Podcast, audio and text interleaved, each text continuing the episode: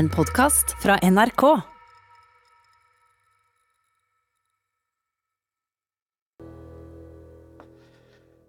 Ja, så er det altså klart at det blir forhandlinger mellom Arbeiderpartiet og Senterpartiet om ei regjering Støre. De neste par ukene skal det meisles ut et politisk grunnlag for den kommende regjeringa som den skal styre på. Men hvordan skjer slike forhandlinger? Hvor viktig er den personlige kjemien, og hva er avgjørende for å komme fram til et resultat som er til å leve med for alle parter, og helst skape begeistring i tillegg? Med meg for å reflektere over spørsmål som dette har jeg tre kjente politikernavn som alle har vært på innsida av nett slike regjeringsforhandlinger. Per Sandberg var nestleder da Fremskrittspartiet i 2013 forhandla regjeringsplattform med Høyre. Magnhild Meltveit Kleppa var sentral da den første rød-grønne regjeringa fant i form i 2005, og representerte da Senterpartiet. Og Øystein Djupedal var nestleder da partiet hans debuterte som regjeringspartner, og velkommen skal det være for, til dere alle tre. Og først til deg, Magnhild Meltveit Kleppa.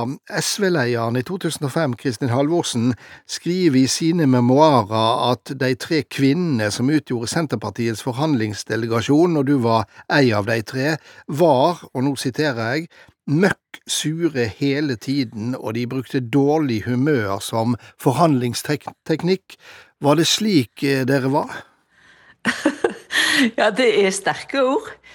Ehm, det er jo slik at både Åslaug Haga, Marit Arnstad og meg eh, har jo rimelig godt humør til vanlig. Det er klart at når vi da var alvorlige og bestemte, eh, så ble vi nok oppfatta som sure. Jeg må si vi var veldig enige om at vi måtte opptre med alvor, og at vi må, måtte virke bestemte hele tida. Det er jo et slags rollespill, dette, som du går inn i, og det står mye på spill. Så dette med alvor, grensene til surhet, det var faktisk en bevisst forhandlingsteknikk?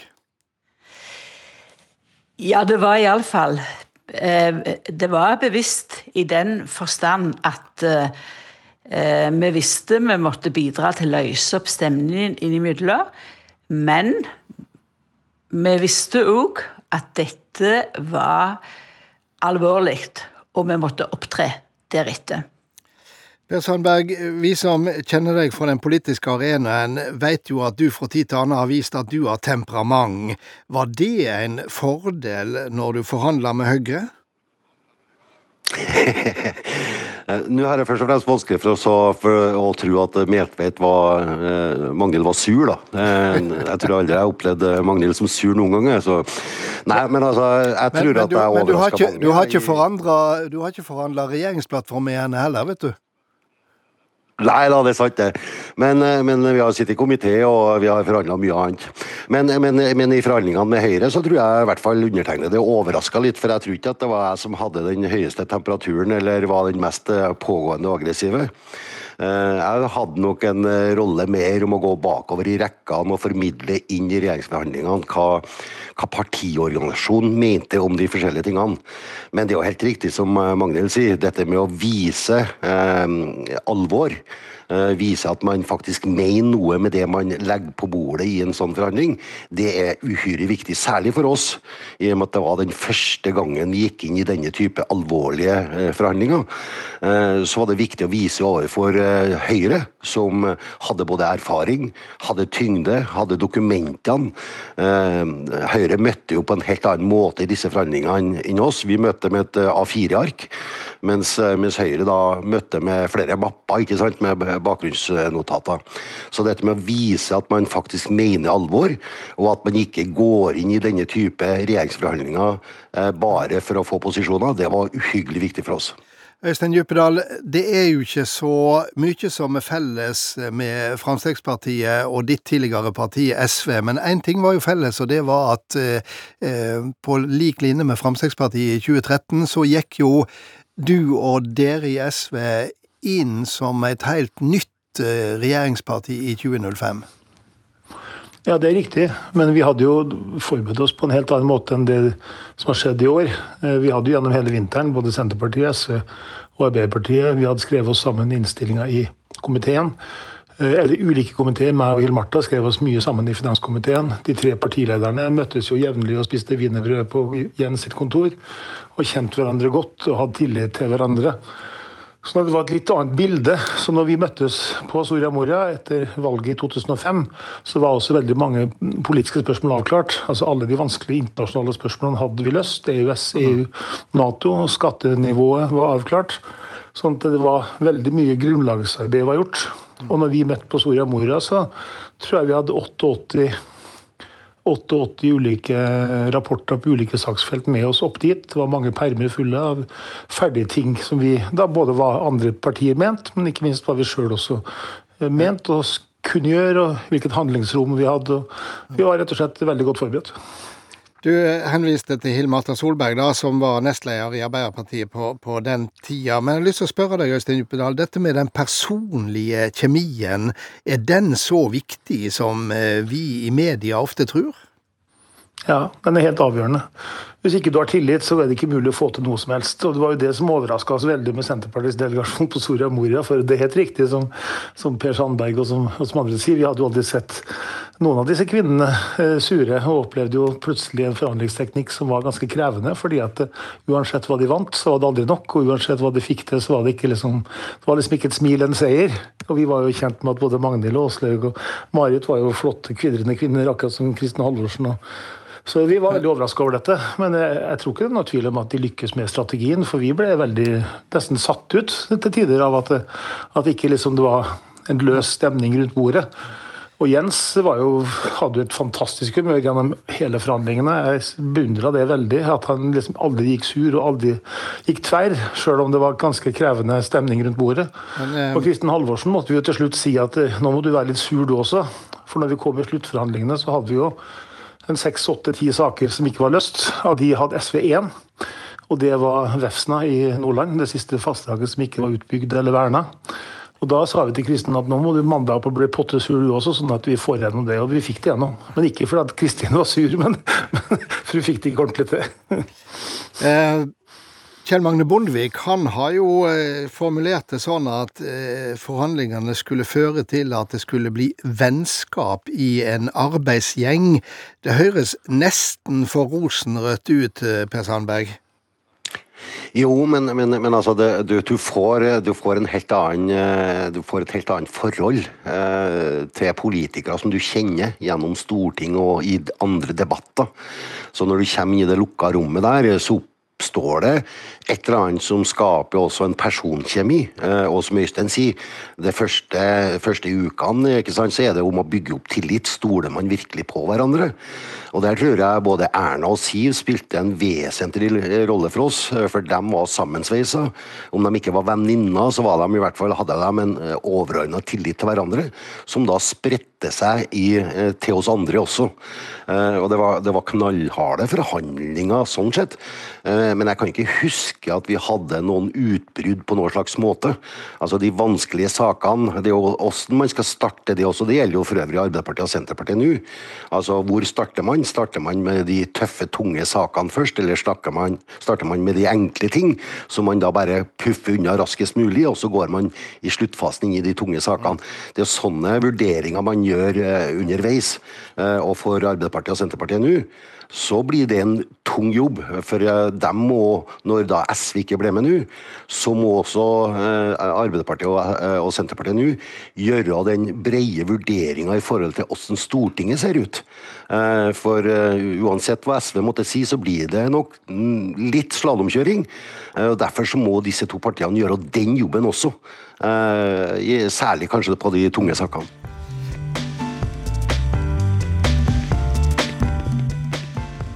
Ja, jeg sitter uh, fremdeles her med de tre politiske veteranene Magnhild Meltveit Kleppa, Per Sandberg og Øystein Djupedal, og vi snakker om dynamikken i regjeringsforhandlingene eh, som eh, utvikler seg på langs i egen linje, og med ulike erfaringer. Og Magnhild Meltveit Kleppa, Kjell Manne Bondevik er vel en av de norske politikere som har forhandla flest eh, regjeringserklæringer, og han har ett godt råd til dagens forhandlere. Spis godt, sier han, og mener vel kanskje også de sosiale avbrekka ved et godt måltid. Ligger det noe her? Ja, det gjør det så absolutt. Eh, og det minnes jeg fra Soria Moria. Det var både god mat. Det var rikelig med Twist og sjokolade rundt omkring. Eh, det var viktig når vi hadde pauser. For det er helt klart, vi kommer til Vi, vi kan bestemme en uh, plan for, for hva tid vi skal ha pause, men så vet vi det er noen knuter som vi kan tvere noe på. Men så må vi ha en pause og heller ta noe enklere. For å så seinere komme tilbake. Da er det godt å ha et sosialt avbrekk.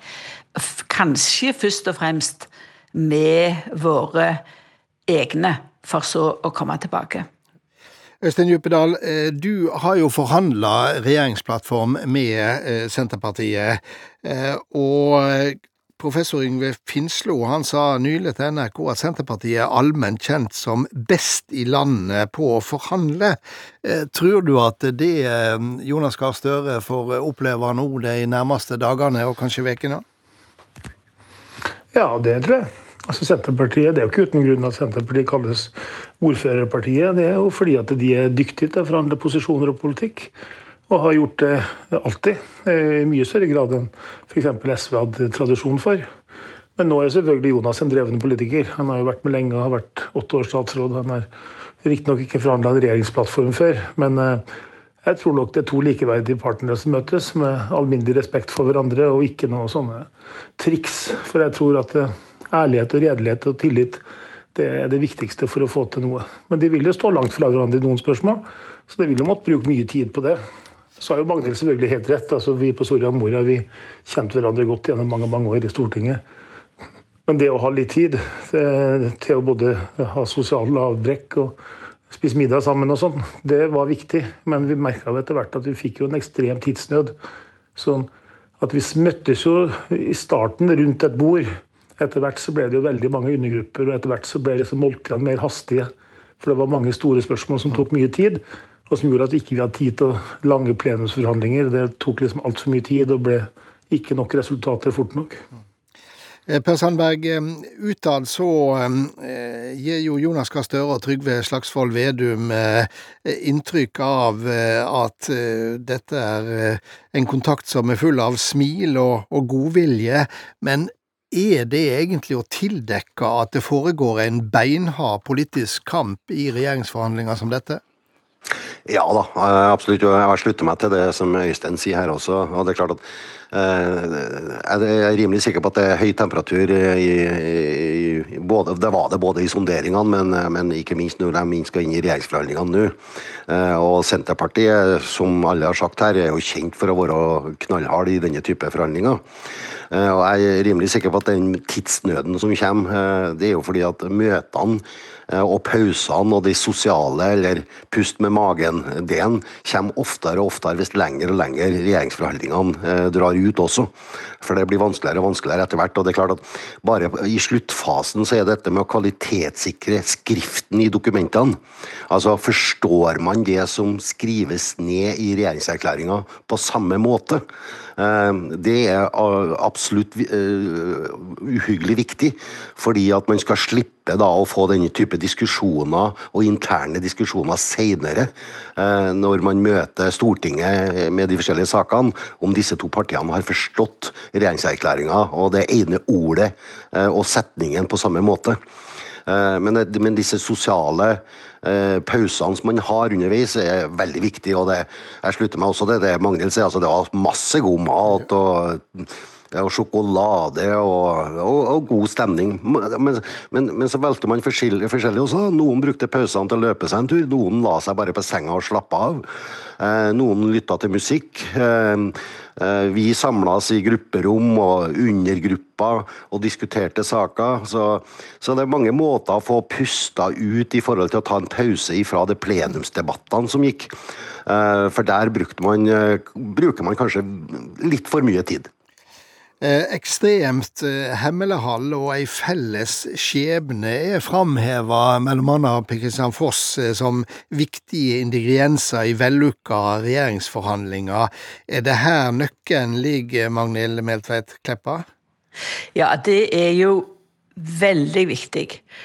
Og det er jo egentlig mer krevende i dag enn det var for åtte år tilbake. Eh, det er fristende å gi et svar på eh, et innlegg på Facebook f.eks. Men det er, ja, det er virkelig en nøkkel.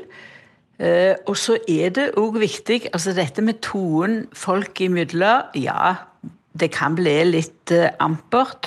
Men det er òg slik at alle som sitter rundt dette bordet, vet at vi skal samarbeide etterpå. Så det er veldig viktig. Og både tida stilt, kunne lite på hverandre, og òg eh, legge til grunn at vi skal beholde denne tonen når noen etterpå skal holde i sammen 24-7, som det heter. Og så har jeg lyst til å understreke én ting til, og det er dette med forankring i Stortinget. For det er veldig, veldig fokus på selve regjeringa og på statsråder og hvem som blir statsråder. og og osv. Men det å legge òg et grunnlag ned i Stortinget, slik at Vi må jo huske på regjeringa utgår fra Stortinget, det er ikke omvendt. Og det hadde jo jeg i oppdrag da som nyvalgt parlamentarisk leder. Det var òg underveis her å forankre i stortingsgruppa. Det har jeg tenkt det må òg være vanskeligere nå eller det var da, fordi at det er så synlig eh, når noen plutselig dukker opp i Stortinget fordi det er innkalt et møte som ingen vet om. Eh, sekundviseren viser at eh, vi ubønnhørlig går mot eh, slutten, men ganske kort til slutt, Øystein Djupedal. Vi journalister har det jo med å kåre vinnere og tapere, og for igjen å nevne Høyres Per Kristian Foss, han har sagt det slik, hvem som er vinner og tapere vil variere fra dag til dag og fra sak til sak, men sluttresultatet må man stå jublende enige om utad. Det verker jo, Øystein Djupedal, som om slikt krever god skålspelkunst. ja, akkurat nå som jeg jo si det. Hadde det blitt en flertallsregjering og de hadde gått sammen om det, så hadde det vekt tror jeg, begeistring og, og, beundring at de hadde fått det til. Nå vil det ikke bli sånn. Nå er det en, en mindretallsregjering som er litt uklar hva egentlig vil og hvor de skal gå, og hvem skal samarbeide med. sånn at jeg tror nok at det, eh, de, må, de må jobbe godt for å få den begeistringa en ny regjering vanligvis får. For det har vært en ganske tung start for dem, det må jeg si. Og det har vært vanskelig å egentlig få øye på det som er den nye regjeringa sine prosjekter. For enhver regjering må ha noen prosjekter som skaper begeistring og som skaper liksom håp og tro på framtida. Og det, så langt så har det jo ikke vært mye av det. Det kan være at det kan komme, de har jo noen uker på seg. Men det er en krevende øvelse de gjennom nå. Og de vet jo heller ikke hvordan de skal løse dette i Stortinget, som Magnhild helt korrekt også sier. Dette er en regjering nå uten, uten et parlamentarisk flertall. Mm. Og det ligger nok tungt på dem også oppå Hurdal. Dette skal vi følge tett, men så langt, tusen takk for at dere tre kom til en samtale om det som nå opptar alle med et minimum av interesse for politikk i dette landet.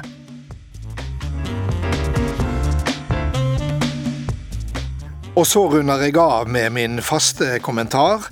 Her er denne vekas Stang inn, stang ut. I dag er det akkurat ei veke siden regjeringa kom med den etterlengta budskapen om at Norge åpner opp igjen. Pandemien er slett ikke over, men den er under kontroll i alle høve i vårt land. Vi får bare krysse fingrene og håpe det ikke kommer nye tilbakeslag.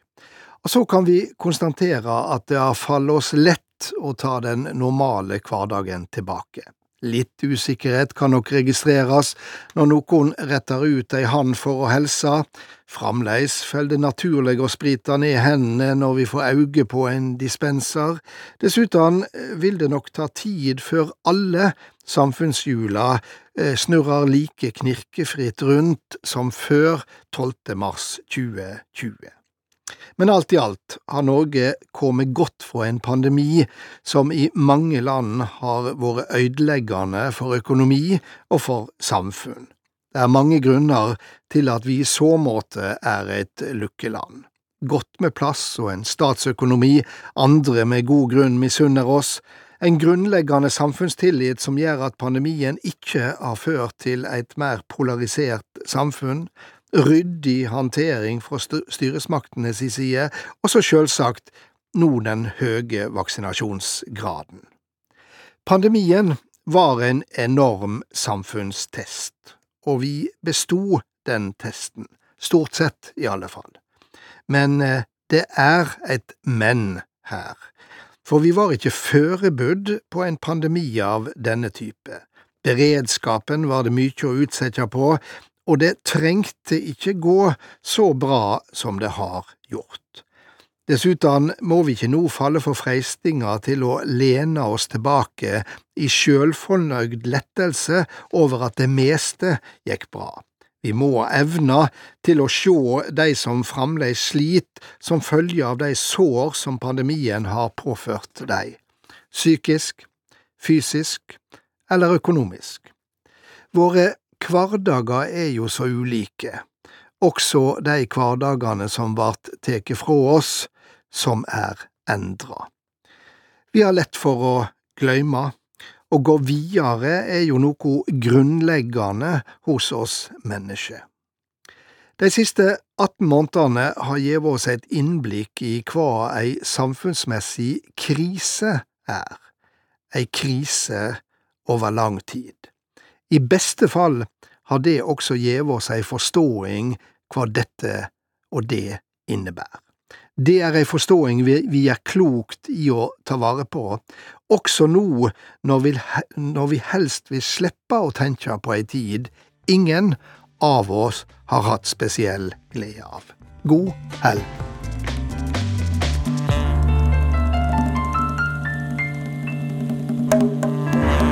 Du har hørt en podkast fra NRK. Hør flere podkaster og din NRK-kanal i appen NRK Radio.